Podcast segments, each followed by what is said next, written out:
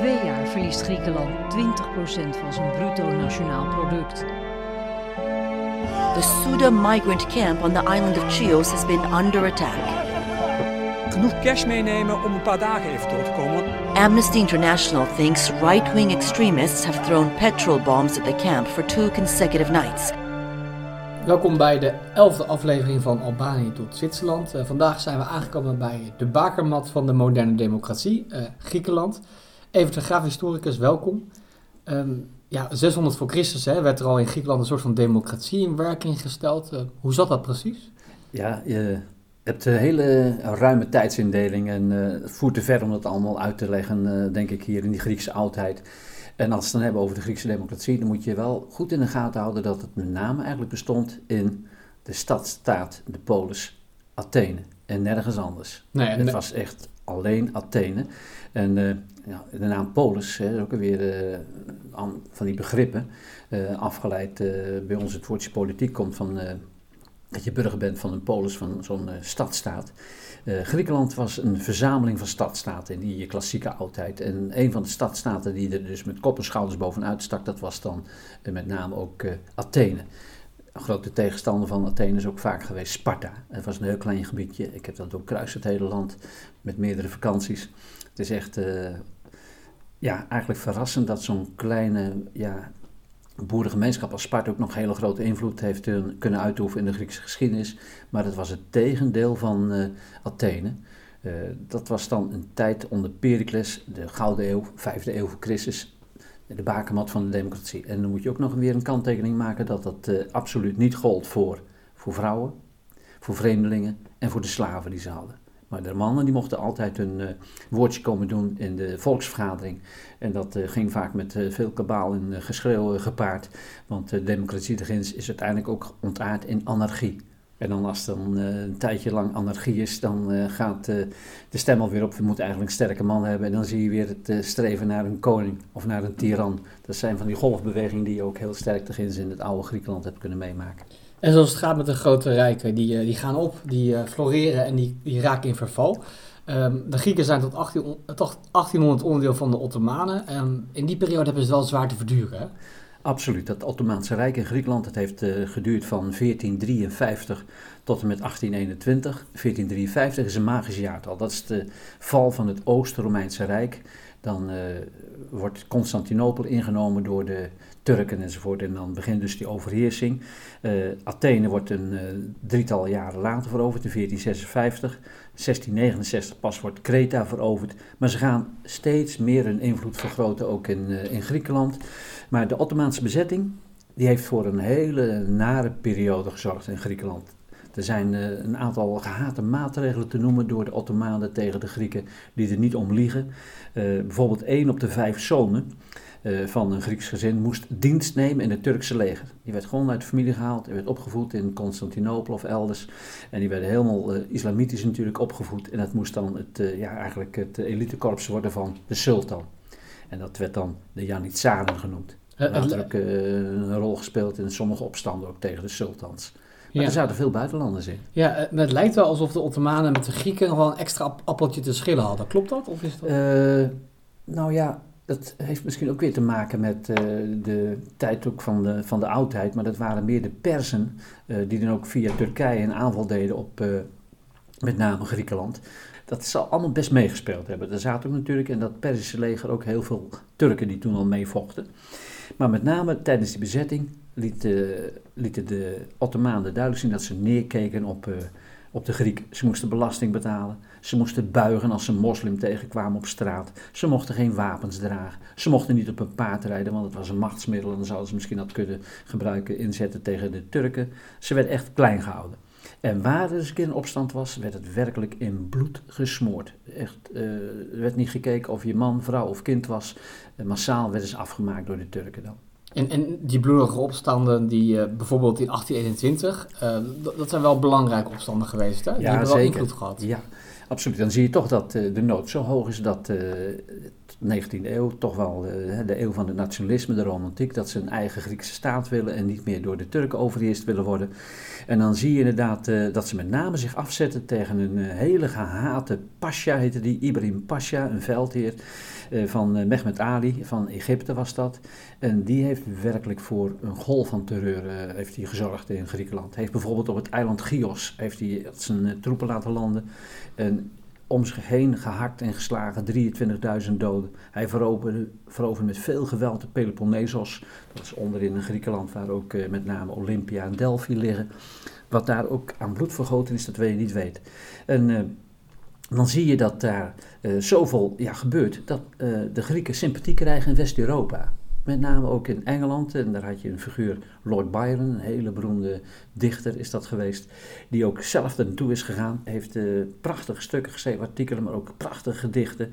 En dat uh, zorgde ervoor dat steeds meer mensen in West-Europa liefde kregen voor de Griekse opstandelingen. Dat heet Philhellene uh, liefde voor het Hellenisme, dus uh, liefde voor de Grieken. Ze vonden dat ze gewoon een eigen staat moesten stichten, ook in, uh, in Europa. En dan zie je ook dat dat aanslaat bij de regeringen. En die vonden ook al in Engeland en ook in Frankrijk en in Rusland dat die Turken veel te veel macht kregen. En die gingen toen in 1827 gecombineerde vloot maken. En die hebben toen bij de zeeslag van Navarro, 1827, de Turken vernietigend verslagen. En dat is eigenlijk het begin van het einde geweest ook van uh, de Turkse uh, overheersing van Griekenland. Ja, en de Grieken kregen daarmee ook een onafhankelijkheid. Ja. ja. Um, ik las een verhaal dat de Griekse diplomaten daarna heel Europa afreisden om een koning te vinden. Uh, maar dat niemand van de koningshuizen toe wilde happen vanwege de chaos. Dat dachten, ja, dat overleeft mijn zoon niet. Nee, niemand, dat is een beetje overdreven. Er zijn natuurlijk uh, best wel ook uh, een beetje prinsen van lage looi die altijd wel dachten, nou, als we ergens koning kunnen worden, de macht kunnen krijgen in een bepaald gebied, dan kunnen we dat natuurlijk weer behoorlijk leegzuigen en aanzien verwerven. Er zijn altijd wel, met name in Duitsland, had je zoveel kleine vorstendommetjes nog voordat Duitsland een eenheid werd. En uiteindelijk, na heel lang zoeken, kwamen ze bij een Otto van Beieren terecht. En die is van 1832 tot 1862, heeft zijn naam een beetje aangepast, is die koning Ottoon geworden van Griekenland. En ja, die probeerde echt ook het land naar zijn hand te zetten. Maar die was niet geliefd. Hij sprak het Grieks slecht, omringde zich met allemaal mensen, ook uit, uit Beieren waar hij vandaan kwam. En hij wilde niet een grondwet invoeren die de Grieken graag wilden hebben, dat ze ook hun rechten en plichten enzovoort, maar ook vooral een rechten kregen. En het gevolg was dat het volk het niet zag zitten in hem. En dat ze in 1862 in opstand kwamen en hem aan de kant hebben gezet. Maar dan is hij wel 30 jaar aan de macht geweest. Dat is vrij ja, lang voor dat chaotische jaar, gebied wat, ja, ja, waar iedereen zo bang voor was. Klopt. Um, dan maken we even een sprongetje. Um, aan de vooravond van de Eerste Wereldoorlog.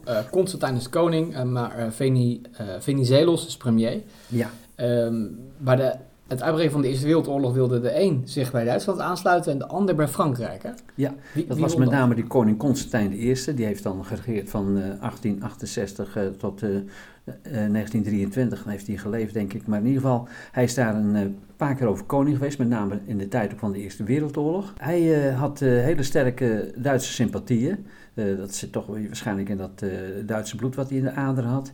En hij wilde voor de centrale kiezen.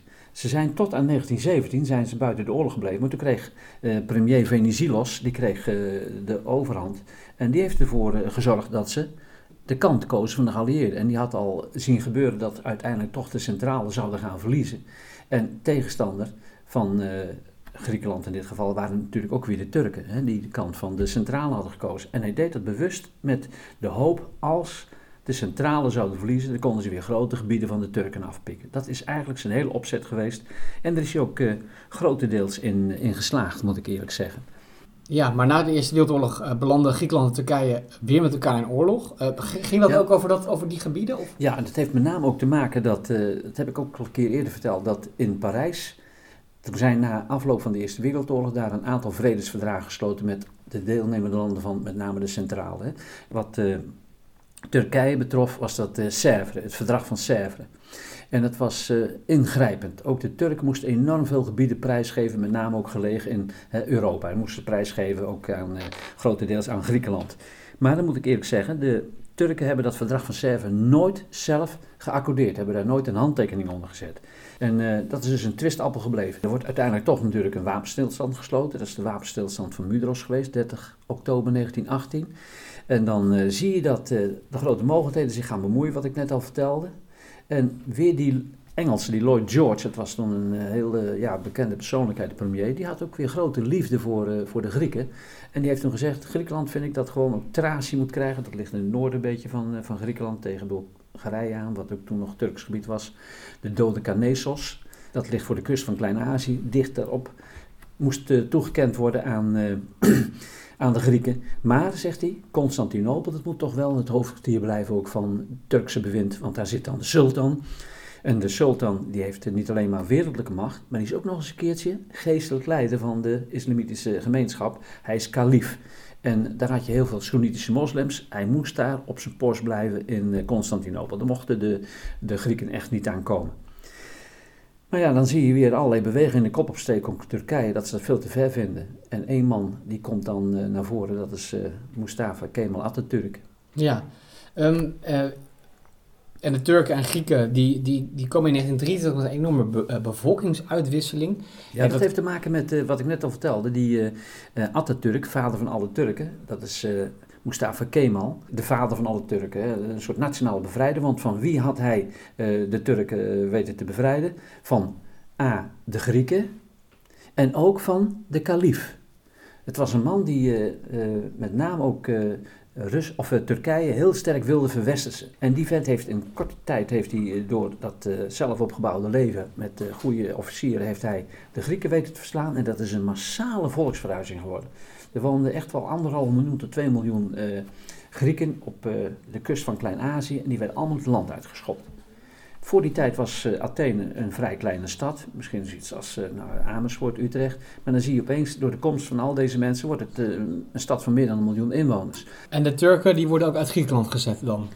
Er, wordt ook, er gaan ongeveer anderhalf miljoen Grieken die in Turkije wonen, gaan naar Griekenland toe. En omgekeerd zijn het ongeveer een half miljoen Turken die dan de wijk nemen weer naar Turkije toe. En dat wordt allemaal ondertekend nu ook door de Turken bij het verdrag van Lausanne, wat eigenlijk definitief een streep zet onder de geschiedenis van de Eerste Wereldoorlog. Ik kan me ook voorstellen dat een, een, miljoen Grieken in een land erbij ineens een, een geweldige impact heeft op, op de economie, op ja, werkloosheid. Denk maar eens aan de huizen die ze ja. moeten hebben en, dan, en het onderwijs dat ze moeten krijgen en de baantjes die ze moeten zien te vinden. Het heeft voor heel veel ellende en narigheid en armoede gezorgd. Ja. En een uh, arm land als Griekenland, die had er niet uh, 1, 2, 3 uh, adequate antwoorden op. Ja, dan springen we even naar de Eerste, Tweede Wereldoorlog. Um, dan wordt Griekenland aangevallen door de Italianen. En later door de hulpschietende Duitsers. Daar hebben we het ook ja. over gehad. Hè, dat de. Italianen niet zo heel... wel misschien wel heldhaftig waren, maar niet succesvol. Um, rustig wordt het daar nooit hè, in, in Griekenland. Nee, absoluut niet. Dan uh, zie je inderdaad dat er uh, van alles gebeurt natuurlijk. Hè. Dat ze deels ook bezet worden door de Duitsers. En de Duitsers hebben er ook dingen gedaan. Distomos, dat is op 10 juni 1944 geweest, waar SS'ers op de terugtocht toen ze werden opgejaagd door met name landingen van Engelsen ook op het vasteland van Griekenland, hebben ze daar in een klein dorpje 218 mensen, met name ook zwangere vrouwen en andere kleine kinderen, hebben ze op een zeldzaam gruwelijke wijze vermoord. Dat soort dingen, dat vond er allemaal plaats. Dus uh, het land dat was echt ook onderling verdeeld, want je had, net als in Nederland, had je allerlei verzetsgroeperingen. En dan spelen natuurlijk ook nog landen daar een rol als Engeland, met name ook de geallieerden, uh, die waren natuurlijk bezig met het terugdrijven van uh, uh, Duitsland, Italië en ook Japan natuurlijk in het Verre Oosten. Maar hier hadden met name ook in Griekenland de Engelsen het voor het zeggen. Dat was, dat is ook heel leuk. ik weet dat het 20 oktober was 1944, is er een bijeenkomst geweest in Moskou tussen Stalin en Churchill. En ze hadden allebei een goede borrel op. Ze waren er niet vies van. En toen gewoon op een klaptepiertje zaten ze onderling al de invloedssferen zaten ze te verdelen. En er werd heel duidelijk toegegeven dat uh, voor 90% Engeland de invloedssfeer kreeg en Griekenland en 10% de Russen. Met andere woorden, het land is eigenlijk uh, voor jullie. En vandaar dat Engelsen geprobeerd hebben weer Griekenland in het westerse kant te krijgen. Maar rustig wordt het in Griekenland uh, eigenlijk nooit. Ook gelijk, eigenlijk gelijk na de oorlog, dan breekt er opnieuw een burgeroorlog uit. Hè? Hoe zit dat precies? Ja, wat ik al net zei, je had allerlei verzetsgroeperingen in Griekenland. En uh, nou, die uh, pikken dan eigenlijk de vredesvoorwaarden niet. En dan zie je dat dat ontaart in een strijd tussen links en rechts. En links, dat zijn dan de communisten die allerlei verzetsgroeperingen hadden. EJAM, EJAN, KKE, noem maar allemaal op. Dat zijn allemaal van die Griekse woorden waar ik ook de betekenis niet van weet, moet ik eerlijk zeggen.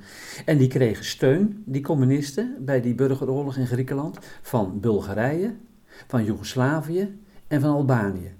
En wat opvalt, niet van de Sovjet-Unie, niet van Rusland. Want dat had ik net al verteld, dat uh, Stalin hield zich wat dat betreft aan zijn woord. Die vond dat het westerse invloedssfeer was, met name van Engeland. Dan zie je aan de rechterkant de royalisten en de republikeinen. En die worden gesteund met name door Engeland en door Amerika. En de Engelsen, die waren daar al bezig natuurlijk in de oorlog. Die hebben daar landingen uitgevoerd ook. Maar die waren zo verzwakt door uh, wat er allemaal gebeurd was in de Tweede Wereldoorlog. Hebben daar zoveel geld in moeten steken. Die waren zo armlastig geworden na de Tweede Wereldoorlog, dat ze het eigenlijk er niet meer bij konden hebben. Ze zeiden tegen de Amerikanen, willen jullie het niet van ons overnemen? En je zou kunnen zeggen dat in deze Griekse burgeroorlog eigenlijk het begin van de Koude Oorlog is geweest. Want dan stappen de Amerikanen erin. Dan had je net uh, president Truman aan de macht gekregen. En misschien heb je er wel eens van gehoord. Die passen de containmentpolitiek toe. En de containmentpolitiek, dat betekent je moet het communisme indammen. Want als er één domino-steen valt, dan dreigen er meer te vallen. Dus we moeten ervoor zorgen dat Griekenland in het westerse kamp blijft. En dan geeft Amerika met name heel veel steun, geld, wapens ook aan de rechtsopstandelingen. En die weten uiteindelijk ook die burgeroorlog te winnen, waarbij vele doden zijn gevallen. Zeker 160.000 doden in die periode. Dat is echt heel veel. En uh, Griekse communisten enzovoort, die wordt opgesloten, want die had er ook helemaal naar gemaakt. Er waren zelfs in die periode in de oorlog dat Griekse uh, communistische verzetsgroepen jacht maakten op kleine kinderen. En die werden dan het land uitgesmokkeld en die werden dan naar Albanië, Joegoslavië gebracht. En die kwamen daar helemaal in opvoedingstehuizen terecht, waar ze als communisten werden opgevoed met de bedoeling, als ze volwassen waren, om daar dan weer propaganda te maken voor het communisme. Nou, dat heeft diep erin gehakt bij de Grieken. Ja, ja. En, en uh, dan springen we springen eigenlijk in deze aflevering van oorlog naar oorlog. En Ja. nu uh, springen we naar 1967, want dan, uh, ja, dan, ja, dan is het eigenlijk weer raken. Ja, dan zie je ook, elke keer zie je met name ook in Griekenland tegenstelling tussen links en rechts. Uh, nou, mensen die wel of niet voorstander zijn van een monarchie. En je ziet daar ook natuurlijk dat daar uh, de jongelui, de studenten, die, uh, die beginnen ook een beetje mondiger te worden. En die baalden ervan dat met name ook een Constantijn II, die van 1964 tot 1973 officieel koning is geweest van, Frank van Griekenland. Dat hij toch ook bepaalde snode plannen had. Hij heeft zelfs een keertje ook militairen voor zijn karretje weten te spannen. Dat ze een opstand moesten organiseren waarbij hij eigenlijk nog steeds meer volmachten kreeg. Het was over weer een botsing. En met name de tegenstander van de koning, dat was toen de familie Papandreou. Misschien wel eens van gehoord, een hele bekende familie is dat in, uh, in Griekenland. En een zoon van de toenmalige premier, dat was Andreas Papandreou, die richtte zelfs Aspide op. Dat betekent letterlijk schild. En die neemt het dan op tegen de koning. Allerlei onlusten dreigen te gebeuren. En dan zint dat de legerleiding niet. En dan is het heel, ja, eigenlijk boeiend om te vertellen dat je had binnen het leger had je generaals en kolonels. En je weet, een generaal staat boven de kolonel. Maar de kolonels waren net de generaals iets te vroeg af met het plegen van een coup. En dan doen ze dan in 1967. Zij grijpen de macht en willen een einde maken aan dat gedoe ook van de gekissenbis over en weer. En die willen gewoon eigenlijk een sterke, autoritaire Griekse staat waarin het leger de macht heeft. En dan uh, krijg je dus de vorming van een militaire junta onder leiding van, vast wel eens een keer gehoord, is een veel voorkomende naam hoor, in Griekenland, Papadopoulos. Ja. En die heeft echt een waterreurbewind heeft hij echt uh, uitgeoefend. Heeft de studentenkeit aangepakt. Heeft uh, echt uh, allerlei andere krachten die niet hem gunstig gezind waren, heeft hij opgepakt, in de gevangenis gegooid. Veel gemarteld enzovoort. Een kiesharde regime dus. Ja. ja. Um, die dictatuur, nou, dat is vaak als er een, ergens een dictatuur heerst, dan zijn de studenten, die hebben natuurlijk ook misschien relatief weinig te verliezen, veel idealen. Uh, die er als eerste bij zijn om een massademonstratie te organiseren en aan de, uh, de, de poten van het, uh, van het regime te zagen. zo ook hier in Griekenland, in, dat is in 1973. dat duurt eigenlijk ook maar heel kort. Ja. Maar is wel heel bloederig, hè? Ja, het is best bloederig geweest. en met name wat ik al vertelde, de jeugd die pikte niet meer dat ze door de ouderen het officiële gezag, het establishment, elite werden bestuurd. En uh, wat ook speelde, uh, of je wel of niet studeerde, maar ook vooral de studerende jongeren, die werden gewoon voor twee jaar opgepakt. Dan moest je dienst nemen in het leger. En ze eisten heel snel al. Ze gingen de straten op in eh, de universiteitssteden, met name ook in Athene. Directe verkiezingen, niet in 73 of in 74, zoals gepland stond, maar al in 73. Ze wilden afschaffing van die militaire dienstplicht. Ze wilden gewoon democratische hervormingen. En eh, toen heeft hij ook weer keihard heeft hij opgetreden.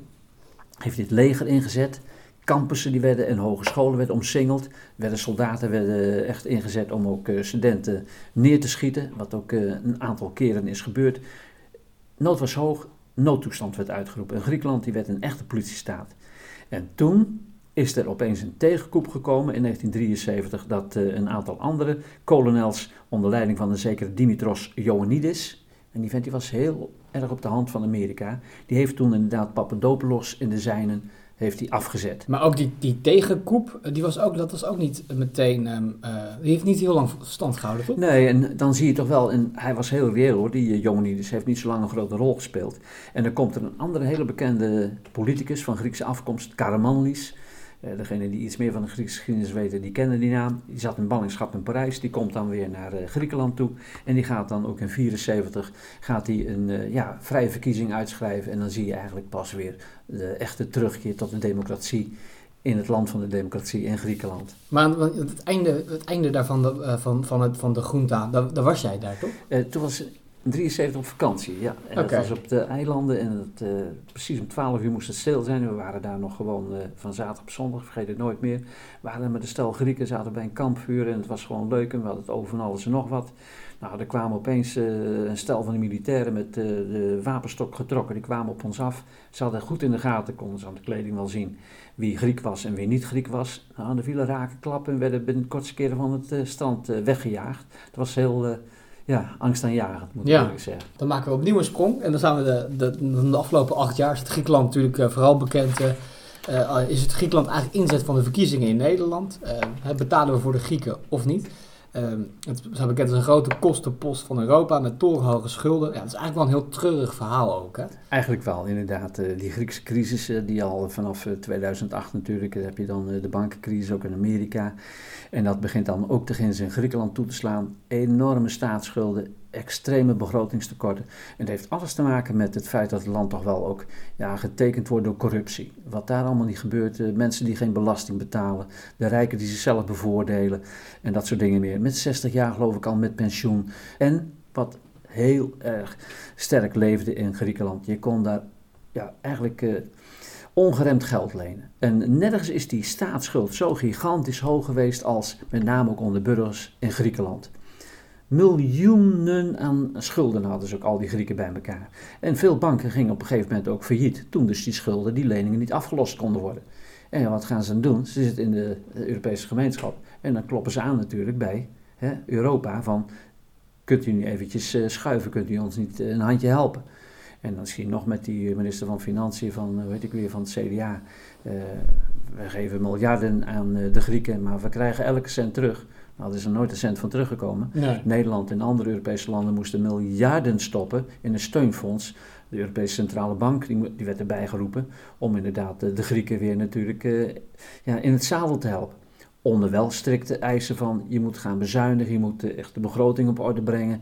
Maar dat zal nog een, een, een gigantische klus worden om dat goed voor elkaar te krijgen. Er is veel armoede. En ook nog eens een keertje natuurlijk die doffe ellende met al die vluchtelingenstromen die er ja. binnenkomen. Dat krijgen ze ook nog eens een keertje op een bordje. Ik heb echt met ze te doen. Ja, en met vooral, de vluchtelingen, maar ja. ook met de Grieken die er Ja, de, de, de, gemiddelde Griek die zal, die zal, niet, uh, die zal geen, uh, geen goed, die heeft geen goed inkomen in ieder geval. Die nee, de meeste Grieken niet. Nee, inkomen. Nee. klopt. Um, ja, goed, hè, de vluchtelingencrisis. Um, de, een ander aspect is de extreemrechtsorganisatie de Gouden Dageraad. Dat mogen we toch al ronduit nazistisch noemen. Um, ja, het idee dat het juist daar uh, snel rustig gaat worden, dat kan wel in de ijskast, hè? Ja, dat uh, denk ik wel. Uh, die club De Gouden Dageraad, terecht dat je dat noemt. Dat is een echt een extreem nationalistische organisatie opgericht in 1993 door, als ik het goed uitspreek, Nicolaos Michaloliakos. Dat is een hele moeilijke naam. Ik denk dat het zelf goed uitspreekt. Maar in ieder geval, het was een, een vent die zichzelf de Griekse vuren noemde. Dat zegt al genoeg. Hè? Dan zijn ze inderdaad ook in de oorlog nog uh, onder de knoet van uh, Nazi-Duitsland hebben ze gezeten. En je weet zelf wel toen ook met die hulpoperatie die vanuit uh, Europa moest komen richting Griekenland, dat Merkel zelfs met een Hitlersnor werd afgebeeld. En hij noemt zich dan de Griekse Führer. En ze hebben een vlag die lijkt verdacht veel op de nazi-vlag, ook met een soort swastika erin. Dat is dan een soort meander, ook een bepaald teken op een rode ondergrond. En de leus die ze hanteren, Griekenland voor de Grieken. Met name ook natuurlijk xenofoob tot en met ze moeten niks hebben van al die vluchtelingen die uh, op de eilanden komen binnenspoelen enzovoort. Ze willen een einde maken aan legale en illegale immigranten. En die moeten weg uit uh, Griekenland, ze niet opvangen als ze binnenkomen, speciale kampen voor ze maken. ze leggen zelfs privé landmijnen bij de Turks-Griekse grens in de hoop dat daardoor geen Turken meer het land binnenkomen. Dat is een idiote groep. In 2009 zijn ze in het parlement gekomen parlement werd ontsierd door hun interrupties. Heel veel uh, ja, scheldwoorden, tot zelfs aan knokpartijen toe in het parlement, dat wil je niet weten. Waar altijd leden van de Gouden Dageraad bij betrokken waren. In 2012 hadden ze 21 van de 300 zetels. 2015 waren ze gezakt naar 18. Maar nog steeds best wel een club waar je echt uh, rekening mee moet houden, ook ja. in de Griekse samenleving. Ja. Um, nou, dus we blijven het volgen. We blijven een interessant land in ieder geval. En het blijft ook een land waar nationalisme ook land. inderdaad echt wel, wel ja. een, een, rol heeft. Um, voor nu houden we het voor gezien. Uh, bedankt voor deze uitleg over Griekenland. En de volgende aflevering, uh, dan zijn we er weer. En dan gaat het over Hongarije. Over goulash-communisme. Ja. Goulash-communisme. Nou. Het is smakelijker, hè?